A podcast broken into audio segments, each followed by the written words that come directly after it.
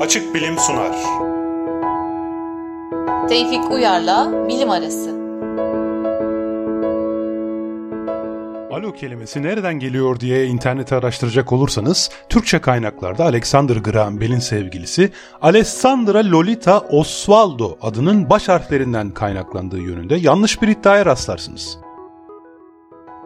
Maalesef Suna yakın da dahil olmak üzere bir takım yazarlar bu hikayeye itibar edip gerçekmiş gibi anlatınca Alessandra Lolita Osvaldo isimli hayali kadın sadece Türkçe konuşanların inançlarında yaşattığı bir tarihi kişilik haline geldi. Zaten bu ismi Google'da aratırsanız Türkçe sayfalar dışında hiçbir yerde bulamazsınız.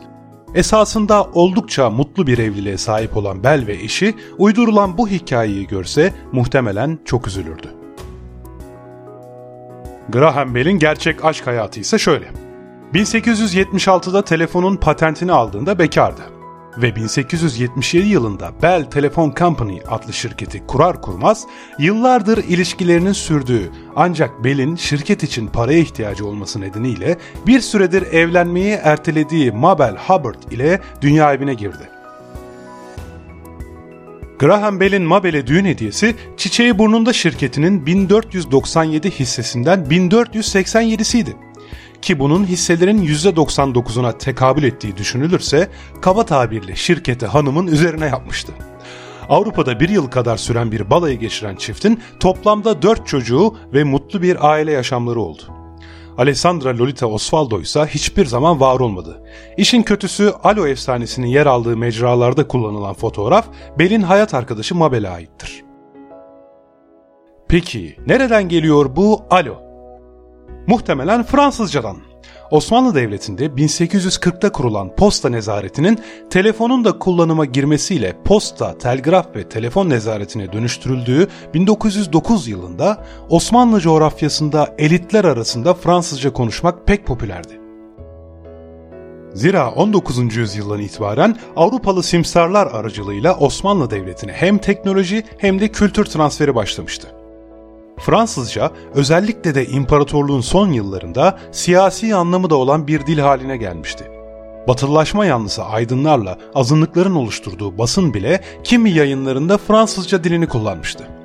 Bunun da etkisiyle o dönemde bu topraklara transfer olmuş teknolojilere dair pek çok kelime de Fransızcadan geçmiştir.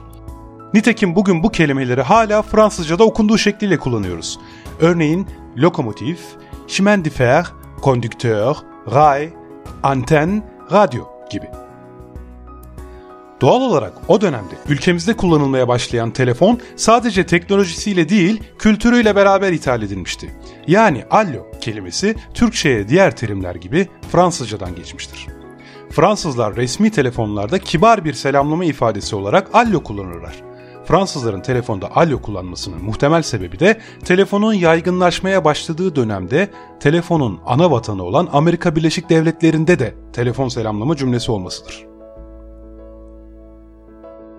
19. yüzyıl başlarında diğer Avrupa dillerinden İngilizceye hello olarak geçen gemicilere ait bağırma, dikkat toplama ifadesinin hello'ya dönüşmesinde Thomas Edison'un payı vardır. Hallo, hallo, halloa, hallo, hello, hillo, hillo, holla, holler, holo, holoa, halo, hullo. Şeklinde çeşitlenen kelimenin kökleri 13. yüzyıl Fransızcasına kadar gider. İlk icat ettiği ses kayıt cihazına da test amacıyla Hello diye seslenen Thomas Edison, 1833'te ilk olarak Londra'da bir gazetede kullanılan Hello'yu Pittsburgh'daki telgraf müdürlüğüne telefonda kullanılması için önermişti. O sıralarda Bell'in önerisiyle telefonlar ahoy ahoy diye açılıyordu. Sonun önerisi hemen kabul edilmiş olsa gerek ki yarım asır sonra 1889'a gelindiğinde telefon merkez santralinde her telefon Hello diye açılır, çalışan telesekreter kızlarsa Hello kızları, Hello Girls olarak anılır olmuştu. Şu an bu podcast'te dinlediğiniz teknoloji zincirindeki en önemli adımlardan birini atmış olan Graham Bell'e buradan selam gönderelim ve dilimizdeki bu hikayenin özrünü bilim arası aracılığıyla dilemiş olalım.